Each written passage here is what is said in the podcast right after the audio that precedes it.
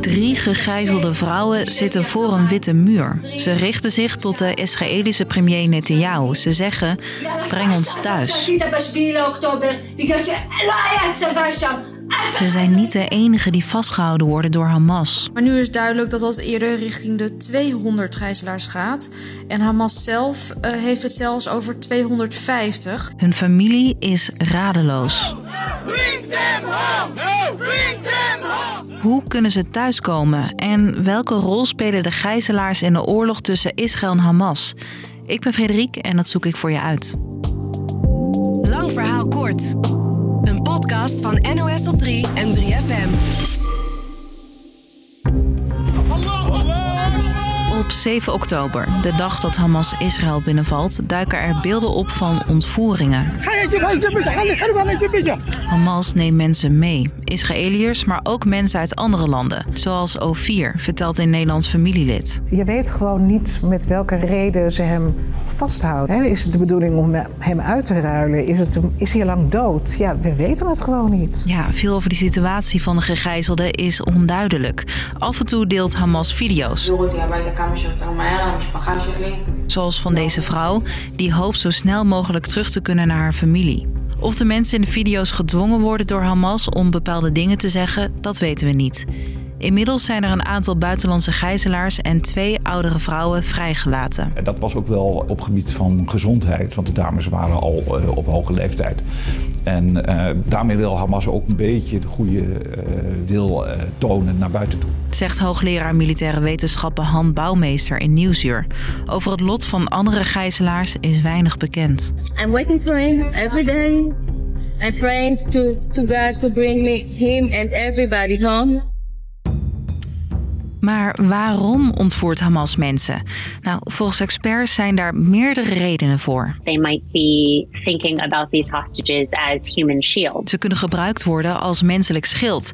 Maar het belangrijkste is volgens deze onderzoeker. They might be trying to use the hostages for negotiated leverage for a prisoner swap. Gevangenenruil dus, maar ook voor onderhandelingen over een staakt het vuren, zegt een politiek leider van Hamas. We are ready to release them but we want from Israeli troops to stop their aggression. Gijzelaars als ruilmiddel dus.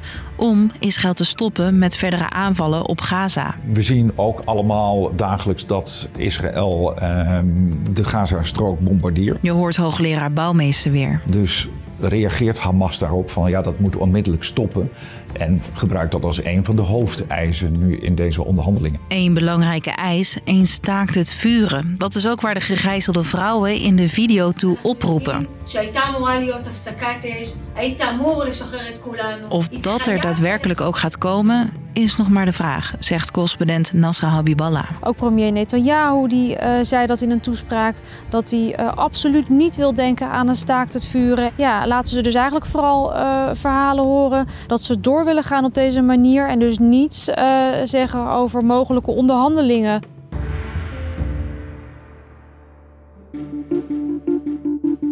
Wat de Israëlische premier ook duidelijk maakt, hij wil zich niet te veel aantrekken van de video van de drie gegijzelde vrouwen. Hij zegt alleen dat hij uh, deze video als propaganda ziet. En hij zegt er is eigenlijk maar één reden waarom Hamas deze video uh, naar buiten heeft gebracht. En dat is verdeeldheid zaaien. Ook zegt Israël, door aan te vallen kunnen we zelf gijzelaars bevrijden. Dat is volgens de minister van Defensie al gelukt bij een Israëlische militair. Die uh, zei vanmiddag dat nu dat deze vrouw is, dat dat een bewijs is voor hem dat die grondtroepen in staat zijn om uh, bij die gijzelaars te komen en ze dus ook te bevrijden. Maar dat bevrijden zou nog niet makkelijk zijn. De gijzelaars worden waarschijnlijk in tunnels verborgen onder de grond. Maar we hebben het over een groep mensen van groter dan 200. En dat betekent dat die waarschijnlijk ook op verschillende locaties zitten. Dus actie nu ondernemen voor zo'n grote groep gegijzelde mensen zal lastig worden. Ondertussen neemt de druk op Netanyahu om de gijzelaars te bevrijden toe.